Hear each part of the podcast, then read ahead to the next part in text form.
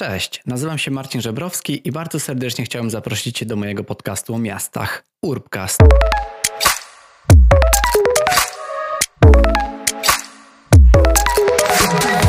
Cześć, witajcie w najnowszym odcinku Urbcastu, w najnowszym odcinku tego sezonu po polsku. I w zeszłym odcinku, w zeszłym tygodniu mieliście okazję, mam nadzieję, posłuchać pierwszego odcinka po angielsku, do którego zaprosiłem moją dobrą przyjaciółkę, a także urban designerkę, czyli projektantkę urbanistyczną Emilin, która opowiedziała Wam trochę na temat tego, jak to jest pracować e, w Kanadzie, w Szwecji i mam nadzieję, że udało Wam się tego odcinka wysłuchać, a jeśli nie, to zapraszam Was, bo znajdziecie go wszędzie, tam gdzie ukazuje się mój podcast. A przechodząc już do tego odcinka, mm, to jest taki reportaż, który bardzo mi się podobał. I to nie tylko dlatego, że po części rzeczy, które robiłem, były w nim opisane, bo była w nim e, wspomniana działalność Żywej Ulicy, czyli projektu, który realizowałem e, wspólnie z innymi osobami w Warszawie, a także w Dąbrowie Górniczej. Ale chyba to, co mi się najbardziej podobało, to jakby tematyka, którą autorka tam poruszyła. Dobra, wiem, że nie muszę być już taki tajemniczy, bo oczywiście w tytule odcinka, e, a także w zapowiedzi mieliście podane na tacy, kto jest e, gościem e, tego odcinka, także przedstawiam Wam Olgę Gitkiewicz, czyli dziennikarkę, redaktorkę, freelancerkę, autorkę powieści Zmiany Świata, a także reportaży Nie hańbi i nie zdążę. I co ciekawe, reportaż Nie zdążę został książką reporterską roku w 24 konkursie Grand Press. Więc naprawdę się cieszę, że kilka dni po tym, jak e, Olga otrzymała tą nagrodę, zgodziła się ze mną porozmawiać, bo podejrzewam, że ustawiła się do niej kolejka osób, które chciały z nią porozmawiać, a ona mimo tego zgodziła się porozmawiać z, z pewnym urbanistą, który chciał poruszyć temat poruszony w, w jej reportażu. Przechodząc do samego Nie zdążę, ta książka, ten reportaż porusza bardzo istotną kwestię tego, że 14 milionów Polaków i Polek jest dotkniętych problemem wykluczenia transportowego. I Olga, podróżując przez całą Polskę, rozmawia z nimi, opisuje to, jak przez lata tak naprawdę transport publiczny w Polsce, który jako tako funkcjonował, zaczynał podupadać. No i niestety, no, kultura posiadania własnego samochodu, kultura tego bogacenia się i pokazywania, że na, że, coś, że na coś nas stać, a także samochód stający się takim symbolem tego luksusu, tego, tego tej zamożności, no, sprawił, że wiele środków transportu, wiele linii, e, wiele, wiele linii pociągów, wiele e, różnych systemów transportów publicznych, e, wiele PKS-ów między innymi zaczęło podupadać i samochody po prostu zaczęły ten publiczny transport wypierać. I o tym właśnie rozmawiamy z Olgą, i ja jako urbanista staram się też dociekać, jakie Olga ma pomysły na to, jak rozwiązać tą sytuację i zdaję sobie z tego sprawę, że Olga nie jest urbanistką, tylko jest e, redaktorką, pisze róż, różne reportaże, ale no ten mój urbanistyczny zmysł, że tak powiem, starał się po prostu znaleźć jakieś pewne, um, wyjść trochę poza ramy tego reportażu, bo to, czego mi w nim trochę brakowało po przeczytaniu, to to, okej, okay, co dalej? Mamy zidentyfikowany problem, że jest tak, a nie inaczej, ale co, z czego to wynika tak naprawdę? Czy tak jak powiedziała ówczesna ówczesna minister, po prostu taki mamy klimat? Czy być może są jakieś wnioski z tego, które mogłyby popchnąć tą sprawę dalej, tak? Czyli, czyli co, co możemy e, z tym zrobić i jak stawić czoła temu, wykluczeniu, temu wykluczeniu transportowemu. To w takim dużym skrócie, nie przedłużając, bardzo Was serdecznie zapraszam do wysłuchania najnowszego odcinka z Olgą.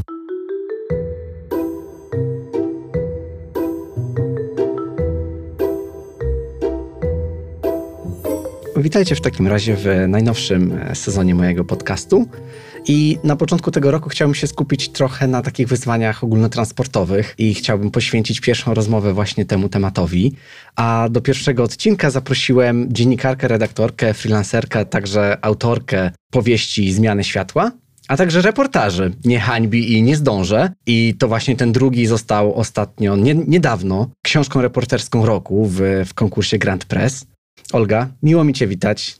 Cześć, miło mi również. Miło mi Cię poznać. Cieszę się, że zgodziłaś się tutaj do mnie zawitać. mm, do, do, do studia, e, w którym, w którym teraz jesteśmy. Przyjechałam pociągiem. ja też przyjechałem pociągiem i twój się trochę spóźnił, prawda? Tak, ale to jest takie spóźnienie, którego chyba się nie rejestruje, czyli takie pięć minut. To właściwie nie spóźnienie. ale trochę mi tam pokrzyżowało plany, bo liczyłam, że w tym czasie e, między świętami a Nowym Rokiem będą tak na blachę jeździć pociągiem. No ale pociąg przyjechał, to przyjechał. chyba najważniejsze. No i pięć minut to nic takiego. Chciałbym się dzisiaj skupić na mm, właśnie wykluczeniu transportowym, które, które opisujesz w, w swoim reportażu. Nie zdążę, ale zanim to, e, chciałbym, abyś krótko powiedziała, czym się zajmujesz obecnie. Może, jeśli oczywiście możesz zdradzić, na czym obecnie pracujesz. Mogę, chociaż to jest zupełnie innego typu książka yy, niż wcześniejsze, bo to jest taka powiedzmy biografia, taka bardzo subiektywna biografia Mm, kobiet, trzech kobiet z rodziny krachelskich. One były aktywne bardzo w międzywojniu i w czasie II wojny światowej. Mhm. I przyglądam się ich życiu i temu, co się dzieje z pamięcią o nich dzisiaj. To jest taka książka historyczna, mm, ale też trochę systemowa, ponieważ główna moja bohaterka Halina Krachelska była inspektorką pracy i tworzyła w ogóle system ochrony w pracy w Polsce po odzyskaniu mhm. niepodległości w 1900 XVIII, więc e, trochę się cofam do mojej poprzedniej książki, czyli Nie hańbi mhm. E, i przyglądam się relacjom takim pracowniczym, jak, jak one się kształtowały w międzywojniu. Mm, ale równocześnie piszę mm, felietony do znaku. Co miesiąc w znaku się ukazują moje felietony i ten rok, który mija, e, to były felietony poświęcone pracy. Takie, mhm. takie moje migawki dotyczące rynku pracy, ale od stycznia to będą migawki, felietony dotyczące przestrzeni. To znaczy będę patrzeć na to, co widać za oknem i będę analizować różne w tej przestrzeni e, przeszkody, a może ułatwienia. Zobaczymy. Na razie napisałam dwa. Mhm. I będą od stycznia się ukazywać. A skąd u ciebie się bierze takie właśnie zainteresowanie tą przestrzenią dookoła, miastami też? Dużo korzystam. Mhm. Dużo korzystam z dużo korzystam z miasta, ale mhm. nie tylko z miasta. To znaczy dużo, y, bardzo się poruszam na piechotę. Późno zrobiłam prawo jazdy, y, więc... Ale zrobiłaś, do, tak, do, do czego też zrobić, może wrócimy. Tak, mhm. Musiałam zrobić, więc zrobiłam. Y, dużo się przemieszczam na piechotę, z komunikacji publicznej korzystam również. I wydaje mi się, że to ma bardzo duże przełożenie na odczuwanie jakości życia. Na, w ogóle wydaje mi się też, że miasto się o wiele lepiej poznaje na piechotę. Mm, dowolne miasto. Jeżeli się gdzieś jedzie, ja wykonuję taką pracę dziennikarską i często jestem gdzieś indziej. Teraz oczywiście pandemia trochę to przyhamowała, ale zdarzało mi się bardzo dużo wyjeżdżać i kiedy byłam w nowym miejscu, to, to tak analogowo poznawałam mhm. miasto, czyli po prostu chodziłam czy to było miasto, czy jakaś wieś, czy jakaś yy, kilka, kilka połączonych miast, to zawsze starałam się chodzić, rozglądać, patrzeć, jak się po tym mieście chodzi. To dużo świadczy o tym, jak się w takim mieście żyje. A co było, co było najpierw? Czy najpierw była taka właśnie twoja chęć poznawania nowych miejsc, a dopiero potem praca reporterska, czy na odwrót? Czy ta praca reporterska po prostu wymusiła na tobie takie podróżowanie, poznawanie nowych miejsc? Właśnie to jest ciekawe. Właściwie to nie zastanawiałam się nad tym, ale teraz jak sobie myślę, to ja nigdy za bardzo nie chciałam podróżować. Okay. Może dlatego piszę książki z Polski przede wszystkim. Ale ja nie jestem typem podróżniczki. To jest takie mm -hmm. Hmm, ciekawe. E, a jednak bardzo dużo e, okazuje się, że jeżdżę i chodzę. E, nie, nie, mnie, mnie przede wszystkim bardzo interesowały takie miejsca poza dużymi miastami w Polsce. Zawsze chciałam zobaczyć, jak tam się żyje i to jest zresztą ja sama jestem z mojego miasta. Mieszkałam przez wiele lat w Skierniewicach, dopiero na studia wyjechałam do Wrocławia. I zawsze irytowała mnie ta taka e, narracja z pierwszych stron gazet czy portali e, i informacje skupione na tym, co się dzieje w dużych miastach. Zawsze jak, e, zresztą to jest, to jest to chyba wiele osób, które mieszkają w mniejszych miastach czy na wsi ma z tym e, jakiś kłopot. Pamiętam, jak byłam w Suwałkach i rozmawiałam z jednym z moich rozmówców. I on mi powiedział, że to jest takie fajne, jak na mapie pogody są suwałki. I, I, rzeczywiście e, coś w tym jest. To znaczy, na mapie pogody są główne miasta wojewódzkie, no tak. i jak się widzi jakieś tam suwałki, które są po prostu biegunem zimna, ale jednak są, to to, to to jest fajne. Ja zawsze chciałam zobaczyć właśnie, co jest w suwałkach, co jest, e, co jest w Kamiennej Górze i w jakichś takich miastach do których zresztą kiedyś e, reporterzy, reporterki bardzo często jeździli e, w czasach, kiedy reportaż polski prasowy był mocny, e, kiedy, kiedy przygotowało się dużo tego typu materiałów, to i fotoreporterzy, i reporterzy jeździli poza, mhm. poza duże aglomeracje. I mi się akurat taki sposób pracy podoba. Wydaje mi się, że widać więcej. No tak, to, to też wynika z tych różnych zmian urbanizacyjnych mhm. i, i z tego właśnie, że te miasta zaczynają przyciągać te talenty. Być, być może też to gdzieś tam się w tej naszej rozmowie przewinie, ale tak jak pisał nawet e, Richard Florida na, w swojej książce e, na temat właśnie talentów, to mówił o tym, że te duże miasta często wysysają te talenty z tych okolicznych mhm. miejsc, no bo jednak oferują te, te różne możliwości. No i wydaje mi się, że, że w Polsce właśnie było podobnie, tak? Te, mhm. te, te duże ośrodki miejskie zaczęły wysysać, bo też oferowały wiele możliwości. Inne miasta na tym cierpiały. No i za tym, jeśli dobrze rozumiem, poszedł też i transport. Mhm, tak. Oczywiście to jest nie tylko specyfika polska, bo w bardzo wielu, miast, bardzo wielu miastach rejonu, powiedzmy środkowej Europy, w tych miastach takich średnich czy mniejszych, no, jest takie drenowanie. To znaczy włodarze tych e, miast czy wsi często bardzo mówią, że od nas młodzi ludzie wyjeżdżają e, do większych miast.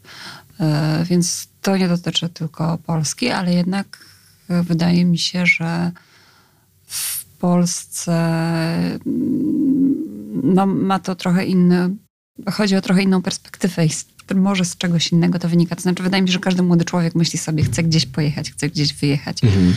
A w Polsce, w polskich, bardzo wielu polskich miastach to nie jest chcę gdzieś wyjechać i zobaczyć kawałek innego świata, tylko muszę stąd wyjechać, mhm. muszę stąd uciec.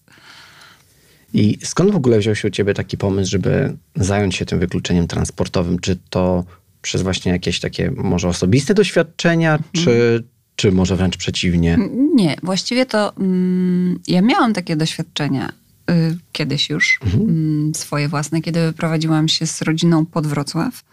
Ale ja w ogóle tego nie, nie, nie identyfikowałam wtedy jako jakiś rodzaj wykluczenia komunikacyjnego, czy nawet problem. To znaczy, no, okay, jak budowaliśmy dom, to były dwa busy, a jak już skończyliśmy budowę, to nie było żadnego. No ale no, zirytowałam się i zrobiłam prawo jazdy i tyle.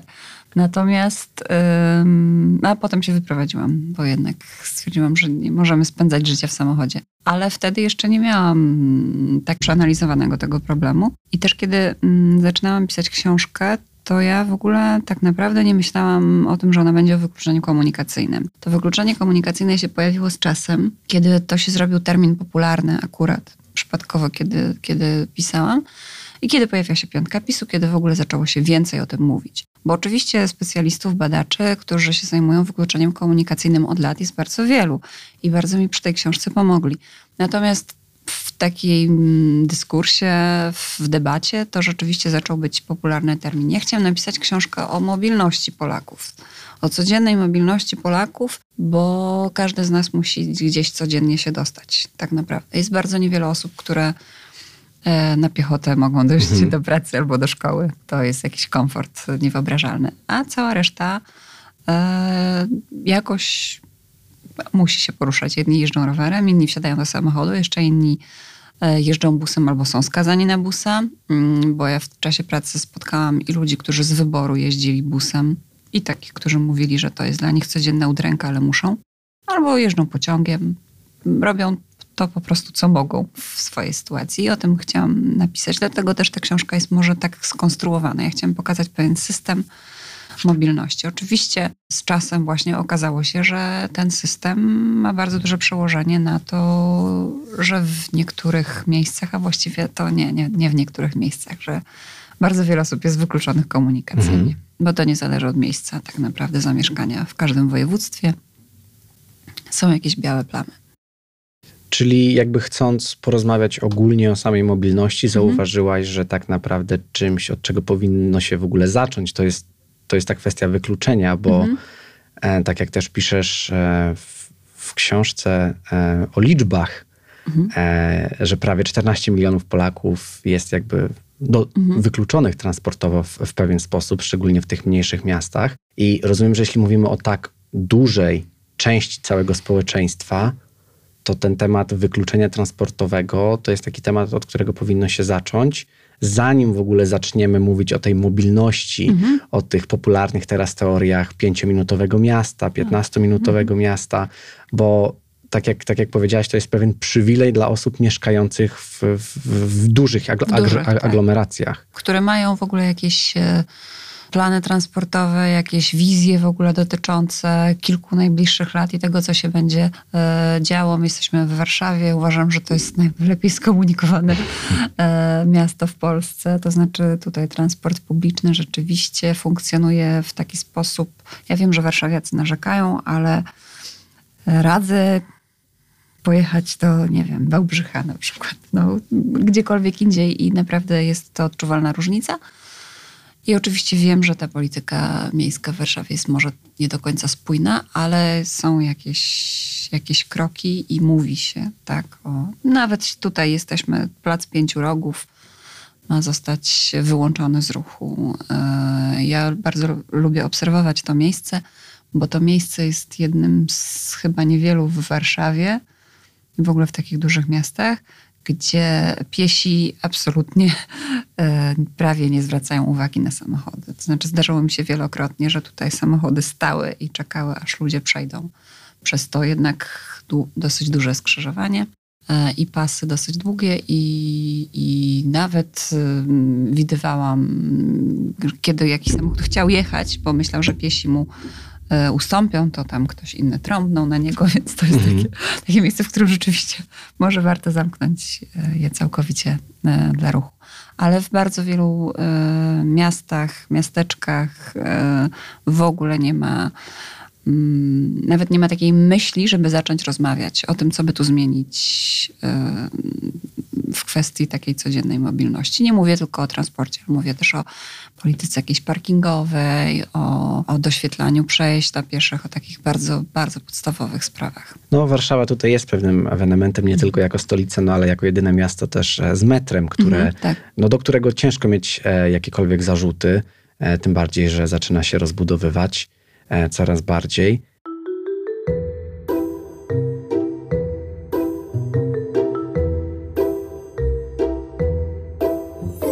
Natomiast wróćmy jeszcze do jakby głównego tematu e, twojej, twojego reportażu. E, Nie zdążę, bo natrafiłem gdzieś, wydaje mi się, że to też, też, też w książce na komentarz ówczesnej pani minister, że no sorry, taki mamy klimat. I Minister Bieńkowska, tak. tak, i chciałem się ciebie zapytać, czy tylko my mamy taki klimat, bo wspominałaś też już o innych, o innych krajach i czy natknęłaś się na przykłady właśnie z innych państw, które nie tyle co zidentyf- zidentyfikowały jakby podobne problemy z wykluczeniem transportowym, ale coś z tym zrobiły. To znaczy, wydaje mi się, że w bardzo wielu krajach po prostu coś się robi. Mhm. A na przykład w takich Czechach wiem, że są mniejsze, e, czy na Słowacji nie przestawało się robić, bo u nas moim zdaniem e, kłopot polegał na tym, że w Polsce od lat 80., a takie apogeum było pod koniec lat 90., na początku lat 2000, po prostu przestawaliśmy robić cokolwiek z transportem. E, Ten transport był zaniedbywany, bo na szczeblu osób zarządzających przyjęło się uważać, że on będzie nierentowny, że nie ma w niego sensu inwestować, że Polska musi i nie, mo- nie mogę powiedzieć pójść inną drogą. Polska musi pojechać autostradą, a nie, a nie, a nie jakąkolwiek inną e, drogą. E, nie torami, nie, e, nie, nie chodnikiem. I to stąd mamy te kłopoty. E, Bo to, to, to jest zresztą też hasło z takiej broszury kolejowej z 94 roku, gdzie tam pisali, że trzeba kolej likwidować, trzeba sprzedawać lokomotywy, trzeba wygaszać ten popyt, bo Polacy już nie będą pociągami jeździć, ani nie będą już towarów przewozić pociągami. No i tam była jakaś taka konkluzja, kolej łatwiej zepsuć, e, a trudniej uratować. No i właśnie to było robione tak naprawdę. Kolej, e, kolei nikt na bieżąco, o kolej nikt na bieżąco nie dbał. Przedsiębiorstwa PKS-u też tam sobie upadały w różnych częściach e, kraju. Tabor się psuł, mhm. tory były nieremontowane na bieżąco i nagle okazało się, że tych braków jest bardzo, bardzo dużo i trudno to Mm, trudno e, nad tym teraz panować. Teraz są potrzebne ogromne remonty albo właśnie jakieś ogromne programy rządowe, żeby przywracać połączenia autobusowe. E, bo rynek autobusowy został oddany właściwie całkowicie w ręce przewoźników prywatnych, mhm. którzy na tym rynku się urządzili.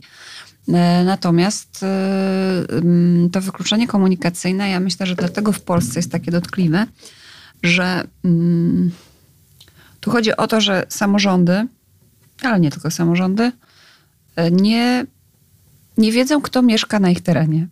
Mhm. Nie interesują się tym, właśnie to jest taki, mm, taki dualizm, to znaczy narzeka się, że ci młodzi ludzie wyjeżdżają, że nie chce się ktoś tam osiedlać, że, że proszę, my już przeznaczyliśmy tyle miejsca na działki budowlane, ale tu ludzie za bardzo nie chcą się sprowadzać. Ale tak naprawdę nikt się nie zastanawia, jak tych ludzi zatrzymać, albo ściągnąć z powrotem, albo przyciągnąć. Mhm. Transport, sprawny transport publiczny może być taką zachętą, bo sprawny transport publiczny polepsza jakość życia mieszkańców. I brakuje takiej, mm, takiej świadomości, moim zdaniem, takiej myśli w ogóle. E, I mm, to wykluczenie, ja dlatego myślę, że jest wykluczeniem, że lokalne władze nie myślą o swoich mieszkańcach. To jest, są na to mm, potwierdzenia w raportach NIK-u, który badał, jak samorządy organizują transport publiczny na swoim terenie. I okazało się, że większość, i to naprawdę przytłaczająca większość samorządów, nie organizuje transportu, ale też w ogóle nie zastanawia się, po co taki transport byłby potrzebny mieszkańcom. Nie bada potrzeb transportowych mieszkańców. Nie analizuje takiej potencjalnej siatki połączeń, czyli skąd dokąd mieszkańcy naszego powiatu czy, czy naszych iluś gmin e, mogliby jeździć. Więc to jest to pierwsze podstawowe zaniedbanie. O ludziach się nie myśli. No, e, oni są jakimiś tam, mm, oni są jakimiś tam pewnie liczbami w statystykach. E, albo zaczyna się może myśleć czasem, bo teraz, zwłaszcza po pandemii, ja mówię już po, chociaż ona jeszcze trwa, ale chodzi mi o to, że pandemia mm, bardzo też przetrzebiła kasy y, gmin samorządów, i samorządów, mhm. tak? I to będzie odczuwane. I, y, i, I wtedy właśnie pewnie samorządy zaczną się zastanawiać, no tak, no my mamy tu jakichś mieszkańców, oni tu powinni te podatki płacić, no ale trochę, trochę nam brakuje w tej kasie. Oczywiście wiem, jaki będzie kolejny krok. Potrafię sobie to wyobrazić. Wielu samorządowców powie, no to my teraz nie możemy inwestować w transport, bo po pierwsze mamy mniejsze wpływy z biletów, no a po drugie tam mieszkańcy właśnie wolą może się wyprowadzić gdzie indziej i, i, tak dalej. Ale to jest tak naprawdę tylko efekt zaniedbań w latach poprzednich. To znaczy to, co się dzieje teraz w ogóle z transportem publicznym w Polsce w pandemii, to, to nie jest tylko efekt pandemii. Pandemia tylko pomogła obnażyć. E, obnażyć, tak. To, że przez ostatnie 30 ponad e, lat e, ten transport był po prostu, no on tam sobie rdzewiał i zarastał krzakami, a potem już nie było komu jeździć. Ja, ja mhm. jakby specjalnie pytam cię też o jakby przykłady z innych krajów, mhm. bo ja jakby też nie chcę stygmatyzować tak. mhm. Polski, tym bardziej, że są błędy które zostały popełnione w innych krajach czy tak, no, miastach. No, tak, w Wielkiej I... Brytanii oczywiście też pociągi się spóźniają, ale e, jednak kiedy nawet się spojrzy na mm, takie dojazdy do pracy mieszkańców Europy, dobra, już niech będzie zachodniej. Ja w ogóle nie lubię tak bardzo porównywać mhm. E, się czy Polski. To jest to takie natręctwo porównywania Polski do innych krajów. Ja nie jestem fanką tego podejścia, okay. ale czasem trzeba e, się mhm. porównać. Chodzi też o to, że na przykład w, nie wiem, w Niemczech, w Wielkiej Brytanii, we Francji takie dojazdy do pracy mm, powyżej godziny, półtorej są akceptowane. Wiele osób tak jeździ do pracy. Ale to są zupełnie innego rodzaju e, przejazdy. To są też przejazdy na dużo większe odległości, ale to jest na przykład jeden środek transportu. Wsiada się gdzieś i wysiada się tam, gdzie się pracuje. Mhm. To jest w miarę wygodny tabor yy, i tak dalej. A w Polsce ciągle jeszcze yy, no, do pół godziny, tak? Ludzie akceptują takie dojazdy, do godziny są w stanie yy, znieść, ale tak naprawdę bardzo często to jest tak, że muszą jakimś tam swoim samochodem, najczęściej ze swojej wsi czy jakiegoś miasteczka, dojechać na dworzec, wsiąść w pociąg, potem wysiąść, potem E, jeszcze na przykład tramwajem i autobusem albo dwoma autobusami dojechać do pracy. E, to jest uciążliwe. Mm, więc w Polsce ten system jest po prostu bardziej poszarpany. Oczywiście wiem, że się spóźniają pociągi w Wielkiej Brytanii również i że się spóźniają w Niemczech i że się spóźniają w Czechach. Zresztą i nawet jechałam. w Szwecji. Tak, w Szwecji chyba, no, tak, w Szwecji Szwedzi narzekają trochę rzeczywiście. Tak. Nie będę już mówić o Szwajcarii, absolutnie nie, bo to jest jak zegarek szwajcarski jednak ale zdarzyło mi się, że jechałam do Czech w tym roku na stypendium pociągiem i tam mój opiekun stypendium na mnie miał czekać, bo mu powiedziałam, o której będzie pociąg. Dojechaliśmy do granicy polsko-czeskiej i był, wszystko było na czas, więc napisałam mu, słuchaj Wiktor, to ja będę tak, jak miałam być. No i nagle on w Czechach zrobił półtorej godziny opóźnienia od granicy do Pragi. I e, jak już przyszłam taka spocona i on tam czekał w ogóle taki, te te półtorej godziny, no to właśnie powiedziałam, że napisałam taką książkę, w której napisałam, że u was się pociągi nie spóźniają. I on się bardzo, bardzo śmiał. Powiedział, że też się spóźniają. No nie wiem, może ja przyciągam takie wydarzenia, ale e, więc oczywiście wiem, że, że, że w różnych krajach różnie sobie mm, z tym problemem radzą, ale dla mnie kluczowe jest to słowo radzą.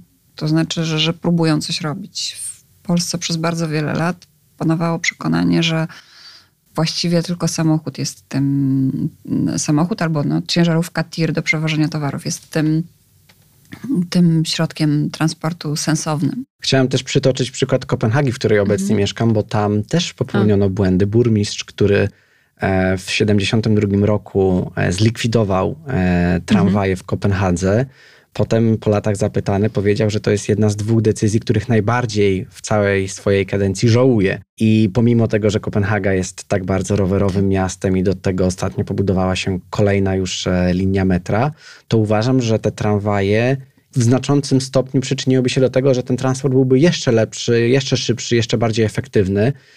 Oczywiście pewnie te, te, te jakby środki transportu i ich wykorzystanie wyglądałoby teraz inaczej, inaczej by się mhm. rozkładało, może tych rowerów też byłoby mniej, ale jednak uważam, że no tak jak właśnie powiedziałem, tak jak, tak jak, tak jak mówiłem, że są miasta i kraje, które też popełniają błędy, tak. tylko warto się na tych błędach w jakiś sposób uczyć i mhm. dlatego też pytałem cię o to porównanie, bo, bo też chce się porównywać z innymi krajami, ale myślę, że dlatego, żeby spróbować wyciągnąć tak, tak. jakieś takie rozwiązania. To też nie chodzi o jakieś takie właśnie biczowanie się, że gdzieś mhm. jest super, u nas jest najgorzej mhm. zawsze, bo, no bo nie jest.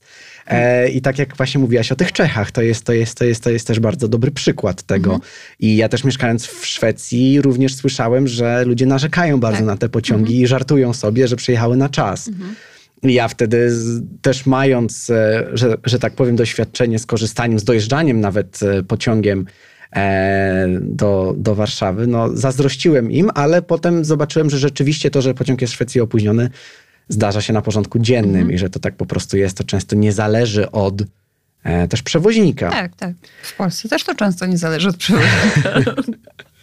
No, ale też wynika z, z różnych innych mhm. niedopatrzeń, które często pewnie pośrednio wynikają, tak, tak z jakichś mm, z, z, z, przewoźników. Mm, dobrze, chciałbym jeszcze przejść do takiego tematu, o którym ty też dużo mówisz, na temat ogólnie utraconych szans, mhm. bo piszesz o e, różnych niedokończonych filmach w kinach, o różnych randkach, które się nie odbyły, o odwołanych wizytach u lekarza. I chciałem się ciebie zapytać, czy jakby jak ci ludzie na to reagowali, ludzie, z którymi roz, rozmawiałaś mhm. jeżdżąc po Polsce i przygotowując swój e, reportaż, bo ja pamiętam, że nawet wśród moich kolegów, którzy mieszkali, e, bo ja na przykład mieszkałem w, jako nastolatek w, w, w podwarszawskim Piasecznie i jakby no ten dojazd powiedzmy do Warszawy był często w jakiś tam sposób ograniczony lub limitowany do mhm. pociągu, do autobusu. Nie było tych opcji aż tak dużo ale byli też e, różni znajomi, którzy mieszkali jeszcze pod tym podwarszawskim Piasecznem, w różnych mniejszych miejscowościach. No i oni właśnie się znajdowali w takiej sytuacji, że mieli tego jednego, dwa, trzy busy w ciągu dnia i często no, musieli albo tuż po szkole wracać, no nie mogli zostać na jakieś dodatkowe aktywności, bo mieli ten ostatni bus. Ale wciąż ten bus był. Mhm. I, I chciałem właśnie się ciebie zapytać o to, jak ci ludzie, z którymi rozmawiałaś, reagowali na to, że mieli no, te różne utracone szanse, że ktoś nie poszedł gdzieś na studia, mhm. ktoś został zmuszony do innej szkoły przez to, że po prostu albo ten transport był tak ograniczony, albo go nie było po prostu. Mhm.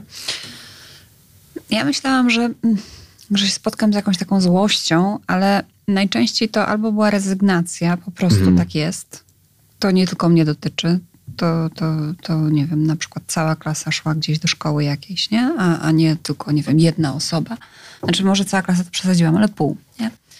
E, albo, albo taką, no, taką rezygnacją, albo e, ludzie, którzy mm, opowiadali mi o swoich takich strategiach, że na przykład właśnie jeżdżą rowerem, albo nie wiem, że dzieciaki się wyprowadziły do bursy, e, bo mm, na przykład z tymi bursami to jest bardzo taka trudna decyzja rodzinna. Ja pamiętam, że chciałam iść do mm, liceum plastycznego, którego w moim mieście nie było i moi rodzice się nie zgodzili. Nie zgodzili się ani, żebym dojeżdżała, ani żebym mieszkała w Bursie. To były tam lata 90., ale no, poszłam po prostu do liceum ogólnokształcącego w moim mieście. E, a teraz bardzo wiele dzieciaków, które jeżeli marzą o jakiejś szkole albo jakimś zawodzie, no to wyprowadzają się do bursy. I to jest takie, mm, takie usamodzielnienie bardzo szybkie. Ich rówieśnicy nie muszą się borykać z takimi e, sprawami. W Bieszczadach spotkałam dziewczyny, które e, aż w Krakowie mieszkały w bursie, więc one w ogóle rzadko przyjeżdżały do mhm. domu. E, I one mówiły, że one muszą wszystko mieć na swojej głowie, nie? Czy ile ubrań zabrać, jak tak rzadko jeżdżą, że, że to nie jest tak, że one przyjdą e, do tej bursy i tam będzie od razu czekała mama z jedzeniem ciepłym i one będą mogły zjeść, a potem odrabiać lekcje, tylko wszystko musiały sobie organizować tak mhm. bardzo szybko na zupełnie innym, innym poziomie niż, niż wielu rówieśników. E, ale też na przykład e, no, spotkałam osoby, które właśnie mówiły, że mają samochód albo mają ileś samochodów w rodzinie, jest jakiś tam grafik, kto gdzie kiedy jeździ, kto gdzie kogo e, podwozi. I to na przykład już była taka duma, nie? że my sobie poradziliśmy, my wiemy, my jesteśmy zaradni. Nie? To jest taka oczywiście zaradność przymusowa, nie? No bo, bo nie wiem, nawet mieszkaniec takiego miasta jak moje, czyli Żyrardów, nie musi sobie aż tak totalnie organizować y, życie i być aż taki samodzielny, bo naprawdę jak mu się coś tam wysypie, to może pojechać y, sobie autobusem, a w ogóle do, w stronę Warszawy Łodzi pociągiem bez problemu, co, co tam w godzinach szczytu co paręnaście minut, ale oczywiście w, w, teraz jest pandemia, więc radzie jeżdżą. No to tak. już to, to na marginesie. Więc ja czasem pytałam młodzież, zagadywałam. A jak tu się żyje bez samochodu? I oni się śmiali. To, to, to bardzo wiele osób po prostu się śmiało. Mówiło, że mają już samochód, który tam czeka w garażu. Nie? Jeszcze nie mają prawa jazdy, ale mają już samochód. I, i pierwsze, co zrobią, jak będą mieć te 18 lat, to zrobią prawko. I to zresztą mówi tam Duszan Augustyn, jeden z moich rozmówców, to prawo jazdy to jest tym takim wejściem w dorosłość dla Zgadzam bardzo się. wielu mhm. osób w rejonach, tak, tak, w tak. których brakuje transportu publicznego. Że to, to nie dowód, nie to, że już się skończy te 18 lat. Jak masz prawo jazdy, to znaczy, że jesteś po prostu niezależna, niezależny, dorosła. Możesz sobie sama organizować e, życie. Nie korzystać z usług tak zwanego mm, ojca lub matki taksówkarza. Tak, tak, albo tak, tak. Wiele osób właśnie też mówiło, że są taksówkarzami dla swoich rodzin, nie? Że, że i dlatego też jak najwięcej osób w rodzinie powinno to prawo jazdy mieć i mieć samochód. Mhm. I no, widziałam bardzo wiele takich, takich domów, w których tych samochodów było dużo. Całe podwórko zastawione mm, samochodami.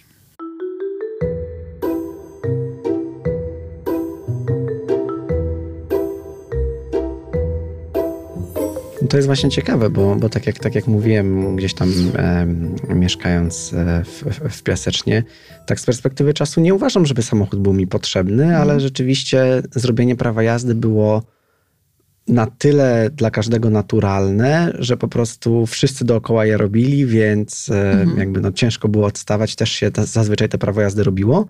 I właśnie to prawo jazdy, a potem, jeśli się uda, to kupno jakiegoś swojego mhm. pierwszego, mhm. tańszego, mniejszego samochodu. To były takie dwa wyznaczniki właśnie dorosłości. Mhm. No tutaj wciąż jeszcze raz mówimy o, o mieście, które znajduje się, które jest dość dobrze skomunikowane i znajduje się tuż pod Warszawą, mhm. a nie o jakimś malutkim miasteczku czy wsi. Mhm.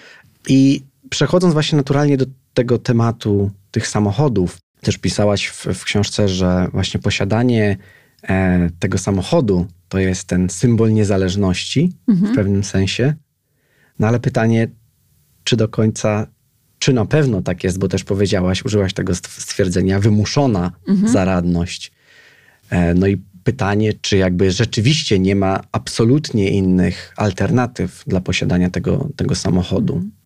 No w wielu miejscach tak jest, dlatego że ten transport tam został całkowicie zlikwidowany i mm, ja sobie tak czasem myślę, Lubię sobie to porównywać. Oczywiście to jest, to nie jest do końca uprawnione porównanie, ale myślę sobie, że jak jest ktoś, kto ma lat, nie wiem, 18 i mieszka w Poznaniu albo w, we Wrocławiu, to może sobie, no co, może, może sobie do, do dowolnej szkoły dojechać, do której akurat może się dostać ze swoimi ocenami może sobie pojechać do dowolnej biblioteki, jeżeli chce coś doczytać. Może e, jeździć na dowolne kursy jakieś, czy językowe, czy związane z hobby, czy, czy czymkolwiek. Może e, pojechać na basen, na lodowisko, może spotkać się ze znajomymi, pójść do kina na seans o 22 i wrócić sobie spokojnie transportem publicznym do domu. Może nawet sobie wypić jakiś alkohol i wrócić. Później, w nocy a rówieśnik takiej osoby, czy rówieśniczka, e, która mieszka tam, gdzie transport, nie wiem, jeździ rano bus do szkoły, po południu bus ze szkoły, jeszcze może koło 18 jakiś jeździ, jest bardzo wielu z tych możliwości pozbawiona ta osoba. A tak naprawdę niczym się nie różni. I może chcieć mieszkać w tym miejscu, w którym mieszka. Przecież nie wszyscy muszą chcieć mieszkać w Warszawie, we Wrocławiu mhm. albo w Poznaniu. No, no, Oczywiście. Jest wiele osób, które nie chcą wcale mieszkać w wielkich miastach. I dlatego ten samochód i to posiadanie tego samochodu staje się rzeczywiście takim, takim autobusem, takim tramwajem. To znaczy, no, mogę rzeczywiście decydować o swoim czasie. Mogę sobie spróbować gdzieś dojechać, mogę sobie odwiedzić kogoś, kogo chcę odwiedzić. Mogę zakupy zrobić. No, no tak naprawdę to myśli się wszystko mogę. No mhm. może nie mogę się napić i wrócić, no nie? Tak. No, wiadomo. Ale to nie wynika z rzeczywistych uwarunkowań takich zewnętrznych, że ten samochód trzeba mieć, tylko to jest efekt właśnie tego, że lata temu ktoś powiedział, tu będzie jeździł tylko prywatny przewoźnik, bo kto tym busem będzie jeździł? Dzieciaki do szkoły, to co nam po dzieciakach. Dzieciaki trzeba dowieść do szkoły w podstawówce, nie? Ale w liceum już nie. Do, znaczy do średniej szkoły już, już nie obejmują ich dowozy, te obowiązkowe szkolne. Więc y, tak to się dzieje. No, ja uważam, że to jest y, taka wymuszona zaradność. Mhm. Y, spotykałam osoby, które nie miały samochodów, głównie myślę o starszych kobietach, które też miały swoje sposoby. Czyli właśnie jeździły rowerem albo chodziły na piechotę bardzo dużo między swoją wioską a tam gminnym miasteczkiem. Ale to też jest, y, to też było jednak, uważam, wymuszone. To jest taka, taka samodzielność, y, że musimy coś zrobić ze swoim życiem. Jak ja mieszkałam na wsi i nie miałam żadnego busa, no to też stwierdziłam, że muszę zrobić prawo jazdy. Ale ja nie chciałam go robić, bo przez bardzo wiele lat się bez niego obywałam. Miałam już ponad 30 lat i nie potrzebowałam prawa jazdy. I nagle mhm. okazało się, że ono mi jest bardzo potrzebne. No chyba, że będę spędzać całe dnie mm, w domu i wpadać w depresję, ewentualnie, że będę wiecznie e, prosić e, mojego męża, tak, żeby gdzieś mnie zawiózł. Co jest też jakimś koszmarnym pozbawieniem e, samodzielności, tak, i w ogóle jakiejś sprawczości. Więc zrobiłam prawo jazdy. Potem okazało się, że tkwię w samochodzie całe dnie prawie, tak? Znaczy muszę dojechać, a razem ze mną te wszystkie osoby, które też dały się uwieść e, wizji domu pod miastem, więc staliśmy w korkach, wjeżdżając do Wrocławia. Potem oczywiście we Wrocławiu gdzieś trzeba było zaparkować. To parkingi to jest no. też tak. fascynujące zjawisko. Potem trzeba było wrócić razem z setkami samochodów, które wracały w tym samym kierunku. E, I no, ja miałam świadomość, że to, że to nie jest absolutnie mój wybór. Ja jestem zmuszona do tego, żeby siedzieć za tą kierownicą. Oczywiście wyobrażam sobie, że bardzo wiele osób lubi jeździć, że, że, że to im daje jakąś przyjemność i że nie czują wcale takiego aż przymusu, ale ten przymus zewnętrzny istnieje. Zastanawiam się, bo tak jak wspominałaś, w, w tych latach 90., kiedy zaczęło zaczęły pojawiać się w Polsce samochody, albo może po prostu one, one oczywiście były wcześniej, y, tylko zaczynały być bardziej dostępne. I też, też pisałaś o, takim, mm, o takiej próbie zmiany takiego nastawienia mentalnego Polaków, że no teraz, skoro te samochody są dostępne, to każdy Polak powinien taki samochód mhm. kupić i jakby kupić sobie też tą wolność dzięki temu.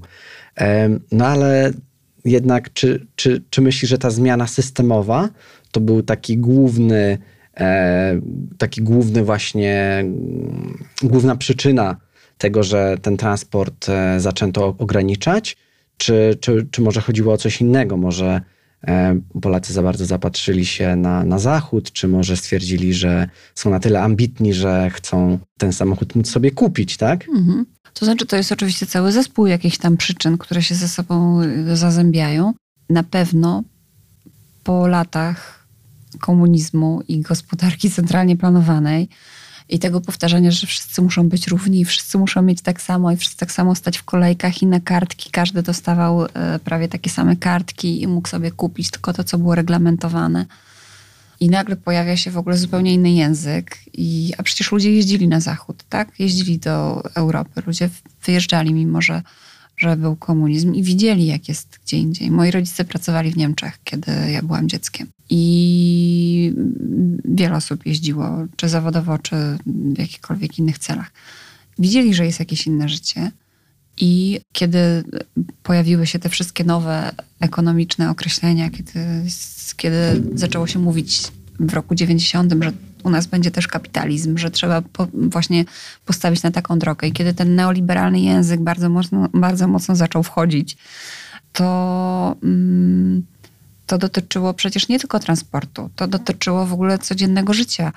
E, to dotyczyło pracy. To wszyscy wtedy musieli zakładać biznesy, bo wielkie zakłady upadały, więc było mnóstwo ludzi bezrobotnych i ci bezrobotni ludzie słyszeli, że oni muszą sobie jakoś poradzić, że, że takiej gospodarce, do której dążymy, to jak ktoś sobie radzi, to jest fajne, tak? To, to, to znaczy, że jest okej. Okay. To samo dotyczyło szkoły, nie? Nagle się okazywało, że tak bardzo mało mamy osób z wyższym wykształceniem, więc wszyscy muszą koniecznie iść na studia. Teraz wszyscy muszą się uczyć języków.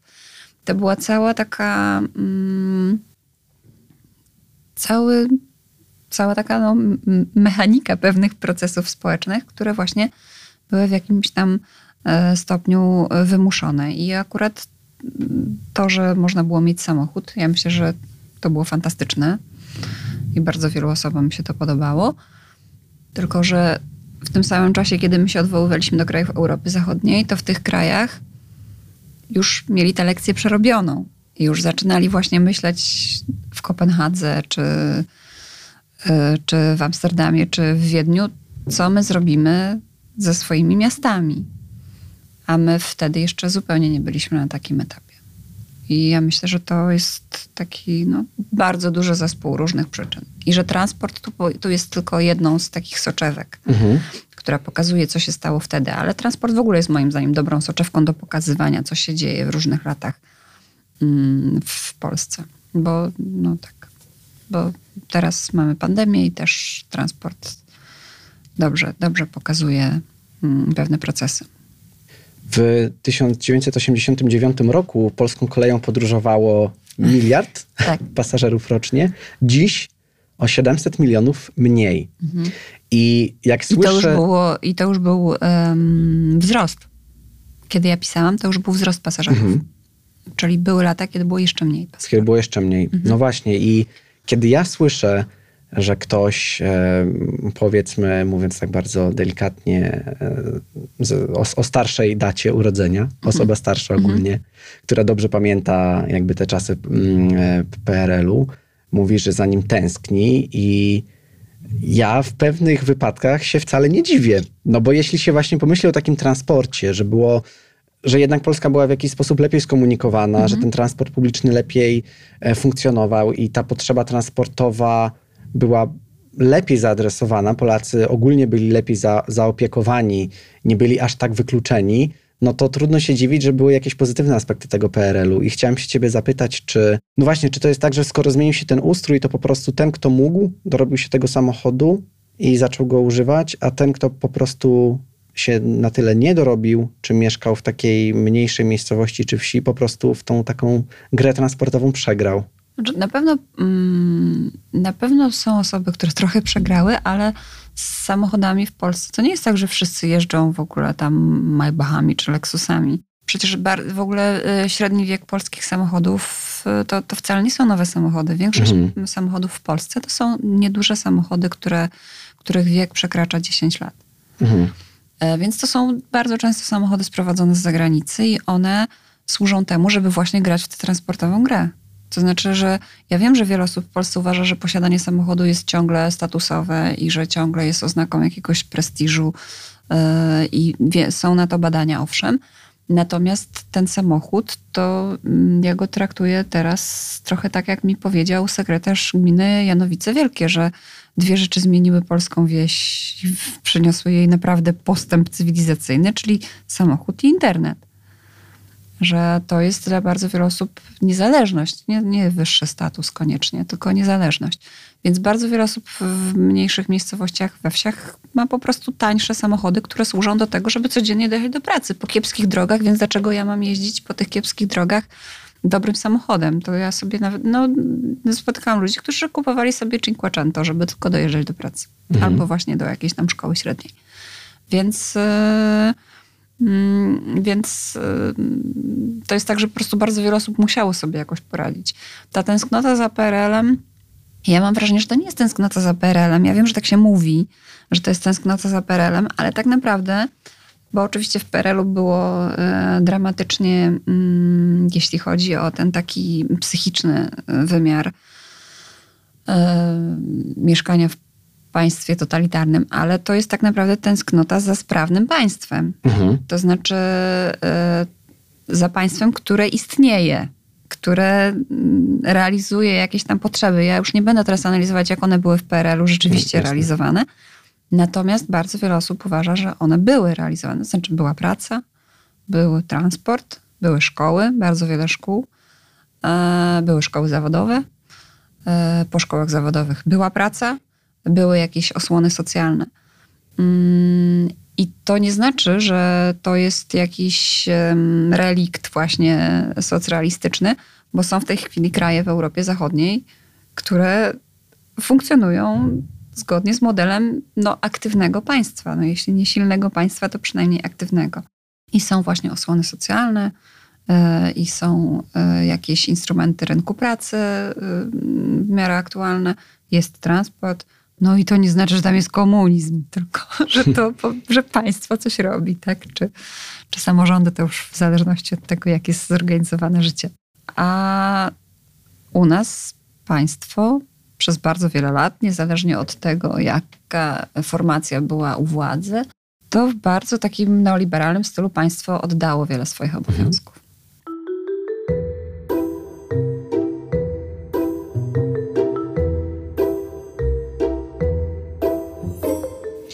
Zbliżając się powoli w stronę końca i właśnie takich rozwiązań, mhm. bo myślę, że Twój reportaż, no i też nasza rozmowa w dużo mniejszym stopniu oczywiście stara się nakreślić te pewne realia, problemy, mhm. wyzwania, które mamy. Natomiast zbliżając się w stronę takich mm, rozwiązań, bo też uważam, że w, twoim, w Twojej książce trochę tego zabrakło, mhm. że, że jakby nie było mm, takiego jasnego rozwiązania lub takiej palety jakichś możliwości, e, stro, stron, w które moglibyśmy pójść. Mhm. I pomyślałem sobie, czy tylko teraz tak głośno myślę, czy te osoby, które, które, których dotyka to wykluczenie transportowe, które właśnie kupują te mm, tanie mhm. samochody, które przez to pewnie też muszą bardzo dużo dopłacać do tych samochodów, one pewnie się częściej psują. Mhm. Trzeba po prostu, no tak jak się mówi, stary samochód to po prostu skarbonka bez dna. A dodatkowo są też. Wszyscy dopłacamy do tego, że ktoś ma samochód. Dokładnie, więc to jest jakby kolejny tak, koszt. Tak. Dodatkowo są te koszta społeczne, o których mówiliśmy, tych utraconych szans. Mhm. I pytanie, czy, czy dla takich osób, które, które właśnie do, są dotknięte tym wykluczeniem, czy, jakąś, czy jakimś takim rozwiązaniem, czy, czy też znakiem protestu nie byłoby przeprowadzenie się do, do właśnie większych miast, żeby te mhm. potrzeby jakoś zaspokoić. Ja, ja wiem, że to, mhm. to jest trudne, tak? Jest Bo w sensie to jest bardzo to radykalne i jakby nie mówię, że to jest rozwiązanie. Bardziej mhm. tylko głośno się zastanawiam i pytam cię o, o twoją opinię. Nie, to byłby bardzo radykalny krok, dlatego że no, każdy ma prawo mieszkać jednak tam, gdzie chce, tak? Może ma tam, nie wiem, rodziców, a może lubi tą górkę, na której sobie postawił dom. I Poza tym miasta mają swoją bardzo ograniczoną pojemność. To widać, mhm. to widać w Warszawie za oknem.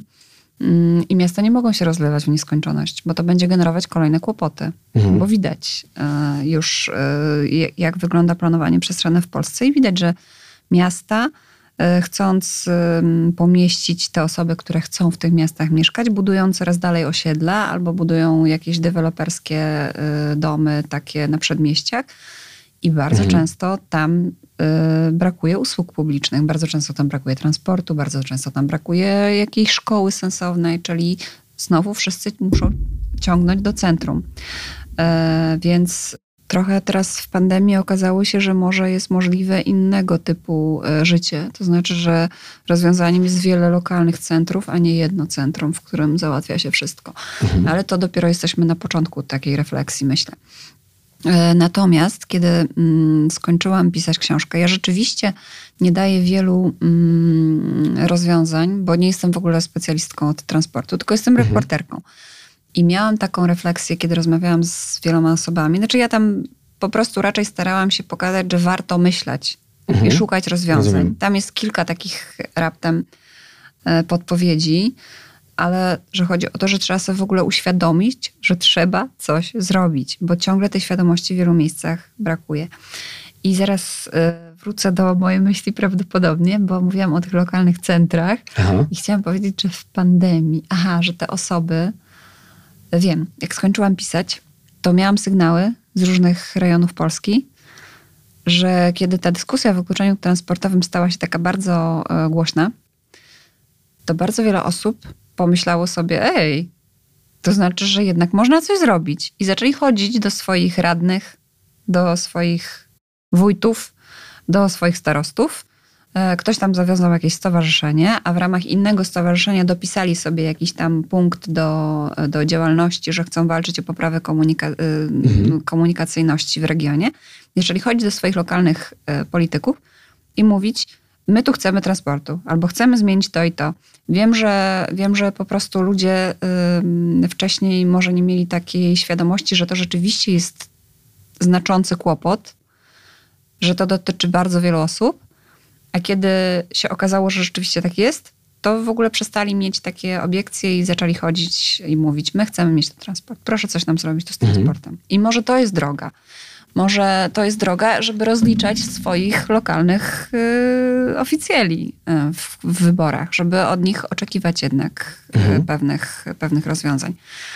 Też jakąś drogą jest oczywiście to, żeby patrzeć, co się robi gdzie indziej. Ja nie mówię, że już koniecznie musi to być y, Europa Zachodnia, ale w Polsce jest kilka takich jakichś wysepek y, i można, można szukać y, takich wzorów. Jak pamiętam, oczywiście to jest zupełnie coś innego, bo to jest polityka miejska. Jak byłam w Jaworznie i tam pokazywano mi te wyniesione skrzyżowania, wyższe krawężniki, jakieś tam brukowane ulice, to wszystko miało służyć uspokojeniu ruchu. Tylko, że oni w Jaworznie to robią od 20 lat. Mhm. 20 lat temu. Prezydent tego miasta podjął decyzję. Teraz będziemy zmieniać ruch w Jaworznie. Mhm. No, i, no, tak. no i to trwa po prostu. I nie da się wielu, wielu lat zaniedbań załatwić w jeden sposób. I też wydaje mi się, że mm, to, o czym wspominałeś, czyli na przykład wyprowadzenie się do innego miasta, to też jest taki trochę. Mm, to nawet nie chodzi o to, że każdy ma prawo mieszkać tam, gdzie chce, no nie do końca tak jest, ale to jest też taka decyzja, która niekoniecznie przyniesie zmianę tam. Czy ja, tak? też, ja też samo mhm. to pytanie zadałam tak, tak trochę przewrotnie, bo ja wiem, że to, mhm. to, to jakby w wielu przypadkach um, ludzie nie chcą tego tak. zrobić, bo, bo, bo mhm. mają swój dom, mają swój dom wielopokoleniowy, który tam się znajduje. Tak.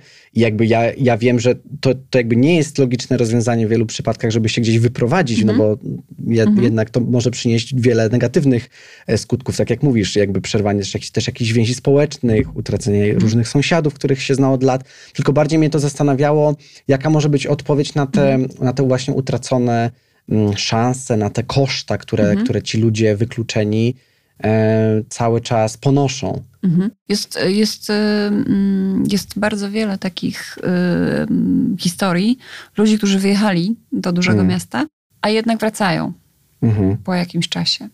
To oczywiście nie dotyczy jednak ludzi młodych, to najczęściej są ludzie, którzy e, wracają na emeryturę w swoje rodzinne strony, mhm. albo już tam są w wieku przedemerytalnym i ciągle jeszcze są aktywni, ale na przykład okazało się, że jest w miarę dobry transport w tej miejscowości, z której kiedyś wyjechali. Aha. I mogą dojeżdżać ciągle do pracy yy, albo jakoś tam częściowo pracować z domu. Więc, więc rzeczywiście to jest jeden kierunek, ale na przykład e, Katarzyna Kajdanek z Uniwersytetu Wrocławskiego, która kiedyś badała E, suburbanizację, czyli wyprowadzanie się rozmaitych osób, rodzin e, pod miasto, poza miasto, to teraz e, jak, jako rewers tych badań, po chyba 10 latach wydaje mi się, bada powrotników tak zwanych, czyli mhm. tych ludzi, którzy kiedyś wyprowadzili się na przedmieścia i tam jakość życia jednak im no, nie podeszła i próbują wrócić do miast. Do, do, do centrów miast. Więc jest też właśnie druga strona e, tego zjawiska, że ktoś wyprowadził się na wieś czy na przedmieście, a teraz po latach żałuje. Ten, ten żal się szybko dosyć pojawia. W moim przypadku to chyba był rok. Więc wiem, wiem, jak to jest. Ale, ale właśnie wyprowadzka nie zawsze jest, e, przeprowadzenie się nie zawsze jest rozwiązaniem, bo na miejscu nie, niewiele się zmienia. Nie sądzę, żeby jakiś lokalny włodarz e, pomyślał sobie, o, wyprowadzili mi się to pewnie dlatego, że nie zrobiłem tego busa. Nie, nie, nie sądzę. Jemu trzeba pójść i powiedzieć, chcemy no tak. tego busa. Czyli jakby taką trochę instrukcją też e, czytania tego, tego reportażu jest, jest to, żeby zobaczyć, jak ta sytuacja wygląda, a mhm. dla osób, które, których bezpośrednio, czyli przypomnijmy, dla jednej trzeciej społeczeństwa, mhm. dla osób, które bez, których bezpośrednio to wykluczenie dotyczy, że to może być taki, taki znak, taka motywacja właśnie do próby działania e, w swoich jakby lo, różnych lokalnych strukturach, tak? Bo... Tak, chociaż uważam, że nie, nie można przeceniać możliwości jednostek, nie? Mhm. E, że to jest problem systemowy i jednostki, mieszkańcy sobie z tym nie poradzą sami. To znaczy nie można wszystkiego teraz przełożyć na ich barki, bo ja też e, miałam nadzieję, że tę książkę będą czytać samorządowcy. I że oni pomyślą, o, a ja nie miałam nigdy specjalisty od transportu czy specjalistki u siebie, bo tak jest w Polsce. Jest bardzo niewiele osób e, w gminach, w powiatach, które rzeczywiście odpowiadają za transport zbiorowy. To znaczy te osoby, które są w biurach czy zakładach transportu, jakkolwiek to się nazywa w, w różnych miejscach, często się zajmuje po prostu drogami albo wydawaniem zezwoleń na przystanki, na zatrzymywanie się, albo tam, no, no e, jest bardzo niewiele osób, takich jak na przykład Krzysztof Zienkiewicz, o którym ja wspominam w książce, którzy, się, którzy mają mhm. hopla na punkcie transportu publicznego i wiedzą, jak go na terenie gminy czy powiatu organizować. Mhm. Więc miałam nadzieję, że przeczytają tę książkę również samorządowcy i że na przykład zapali mi się lampka, że o, to ja nie muszę mieć wielkiego autobusu na 50 osób, tylko może być ich mniej, tak? To mogą być mniejsze. Albo o, taki car gdzieś testują, to może my też przetestujemy. Że, żeby po prostu szukać rozwiązań, żeby zrozumieć, że to jest problem i że ten problem, kiedy mm, pisałam książkę, w ogóle nie miałam pojęcia, że będzie coś takiego jak pandemia yy, no tak. koronawirusa, tak. ale miałam taką myśl, wiele osób miało taką myśl, że wystarczy często drobna rzecz, żeby znowu cofnąć się o wiele, wiele lat. I właśnie to mamy teraz. Mhm. I to samo zresztą dotyczy rynku pracy. Kiedy pisałam książkę o pracy w Polsce, to bardzo wielu specjalistów yy, i ja również miałam taką myśl, powtarzało, że jeżeli teraz jest dobrze, jeżeli mamy w miarę dobrą sytuację gospodarczą, to zróbmy coś, wprowadźmy jakieś nowe instrumenty na rynku pracy, zmieńmy coś, zmieńmy kodeks pracy, skończmy ze śmieciówkami. I wszyscy się śmiali, mm, tak politycy czy osoby odpowiedzialne. To, to było, ha, ha, ha, po co, po co, przecież jest super. No i mamy pandemię i właśnie mamy super, tak? Pierwsze osoby, które oberwały, to były osoby na śmieciówkę. Mhm. I to nie są jednostki. I to samo dokładnie dotyczy transportu publicznego. Przez wiele lat nic nie robiliśmy. Zrobiliśmy jakąś drobną rzecz, tam trochę kolej się dźwignęła, piątka PiSu się pojawiła, już będzie tylko super. I co?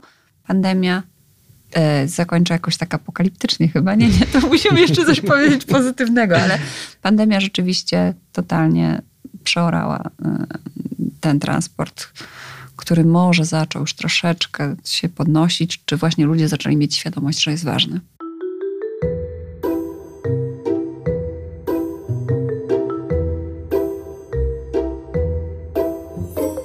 Staram się zazwyczaj optymistycznie kończyć te, te rozmowy, natomiast no nie, mhm. nie zawsze jest to mhm. możliwe. Ja też e, cieszę się, że wytłumaczyłaś trochę um, ze swojej perspektywy, jak to wygląda odnośnie właśnie tych rozwiązań w książce mhm. lub, lub ich niedoboru, bo ja myślałam, że to trochę moje spaczenie właśnie jako urbanisty, że ja przeczytałem tę książkę i tak, no dobrze, no to wiem jak to wygląda, no ale gdzie jakieś rozwiązania, ale przeczytałem też wczoraj e, kilkadziesiąt takich różnych opinii, recenzji mhm. E, czytelników i widzę, że ten mhm. wątek takiego braku mm, e, mhm. rozwiązań się też tam pojawiał, mhm. dlatego też chciałem cię o to zapytać, bo, mhm. bo myślę, że to jest ważne, żeby pokazać jakieś takie pewne mhm. możliwości, które, które, które mogą, mogą płynąć po zdiagnozowaniu pewnego problemu czy wyzwania, tak jak tutaj właśnie to tak. wykluczenie transportowe. Natomiast ja mm, ciągle powtarzam, ja jestem reporterką. Ja przede wszystkim chciałam pokazać historię ludzi. I to, że tych rozwiązań podałam tam parę, to znaczy ja nie podaję może rozwiązań, raczej podaję przykłady, nie? Czyli podałam tam przykład Dywid, podałam przykład kilku kolei, którym się powiodło, podałam przykład e, Lipna mhm. i tam jakieś właśnie testowe rozwiązania, które gdzie niegdzie się pojawiają. I uważam, że e, więcej nie ma. To znaczy, kiedy ja pisałam książkę, to nie było przykładów które mogłabym jeszcze podawać, tak? mhm. tak? Bo, a nie chciałam y, wzbudzić fałszywego przekonania, że, że, że jest super. Tylko to są naprawdę wyspowe rozwiązania dotyczące raptem kilku miejsc w Polsce. Więc no, mm, poza tym jeszcze jedna rzecz, ja nie jestem specjalistką od transportu. Mhm. Jest ich w Polsce wielu, ja bardzo wielu przytaczam w książce i uważam, że jeżeli ktoś jest uprawniony do tego, żeby w ogóle o jakichś rozwiązaniach mówić, to oni. Ja mhm. jestem reporterką. Mi po prostu ileś osób opowiedziało swoje historie i ileś osób się podzieliło swoją wiedzą, ale ja absolutnie w ogóle nie aspiruję do tego, żeby być jakąkolwiek specjalistką, czy żeby właśnie się wypowiadać o tym, jak uratować transport. Ja mam coś tam mhm. przemyślanego na podstawie tego, co mówili mi e, ludzie, z którymi rozmawiałam, ale ja jestem tylko reporterką. Ja za chwilę będę pisać inną książkę. To znaczy, mhm. chciałam pokazać problem, a jest wiele osób w Polsce, które od lat 20 czy 30 siedzą w transporcie i to ich powinno się pytać o te rozwiązania.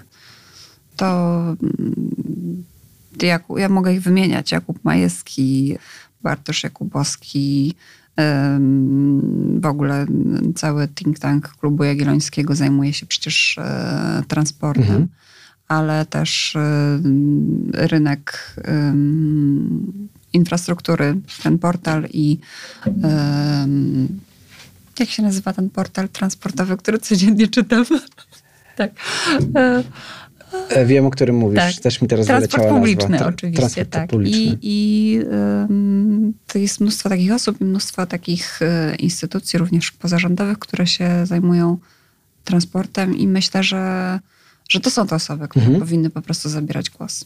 A, dobrze, jakby ta, mhm. ta, ta odpowiedź też jest mhm. bardzo zadowalająca, bo też jakby wiemy już mniej więcej, mhm. gdzie powinniśmy szukać, gdzie adresować, gdzie szukać jeszcze więcej mhm. informacji na ten temat i, tak, na, tak, i na temat potencjalnych osoby, rozwiązań. Które, które właśnie, no, no, mm, czy Ariel Ciechański, który się zajmuje y, analizowaniem rozkładów jazdy busów w jakimś przedziale Aha. w ogóle kosmicznym y, od lat, nie? Więc Więc jest mnóstwo takich osób, które sobie dłubią od lat w tej działce i naprawdę uważam, że ich głos mhm. powinien być słyszany. Na koniec jeszcze chciałem cię tylko zapytać o dwie rzeczy i, i może, może to będzie troszeczkę zabawne pytać cię o polecenie książki, bo, bo rozmawiamy o twojej książce, o twoim reportażu Nie zdążę i jakby tutaj od razu mogę e, ten reportaż wszystkim gorąco polecić.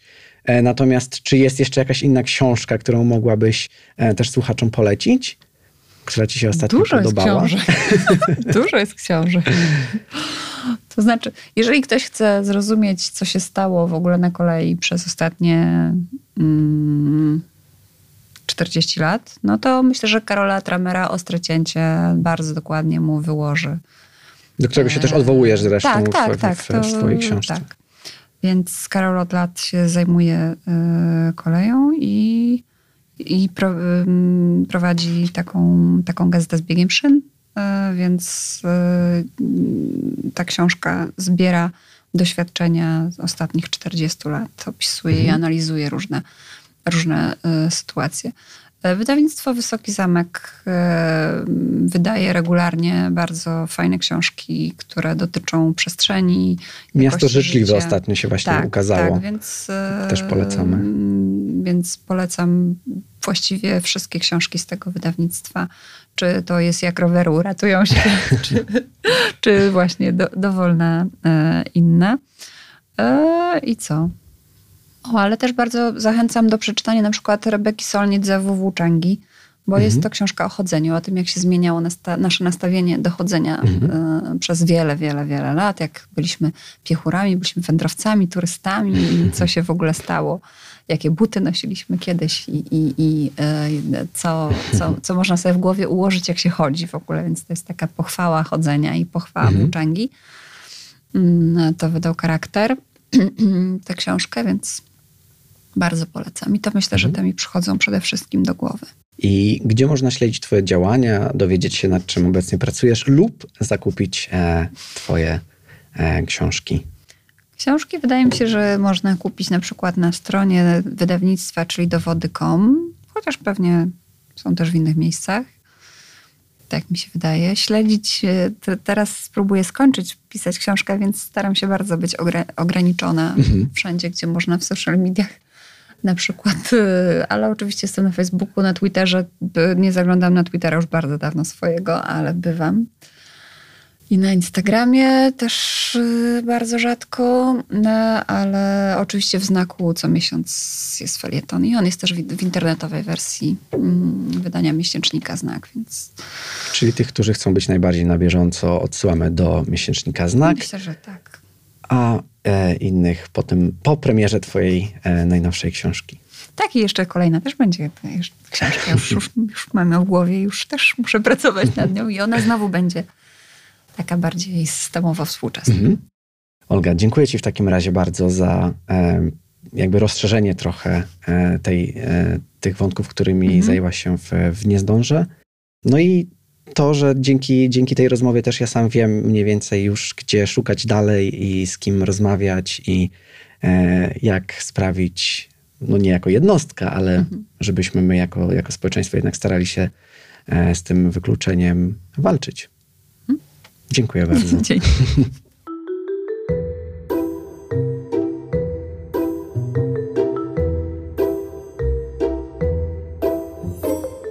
Dziękuję Wam bardzo za wysłuchanie najnowszego odcinka z Olgą i mam nadzieję, że wiemy już trochę więcej na temat wykluczenia transportowego, którym niestety Polska jest do, dotknięta.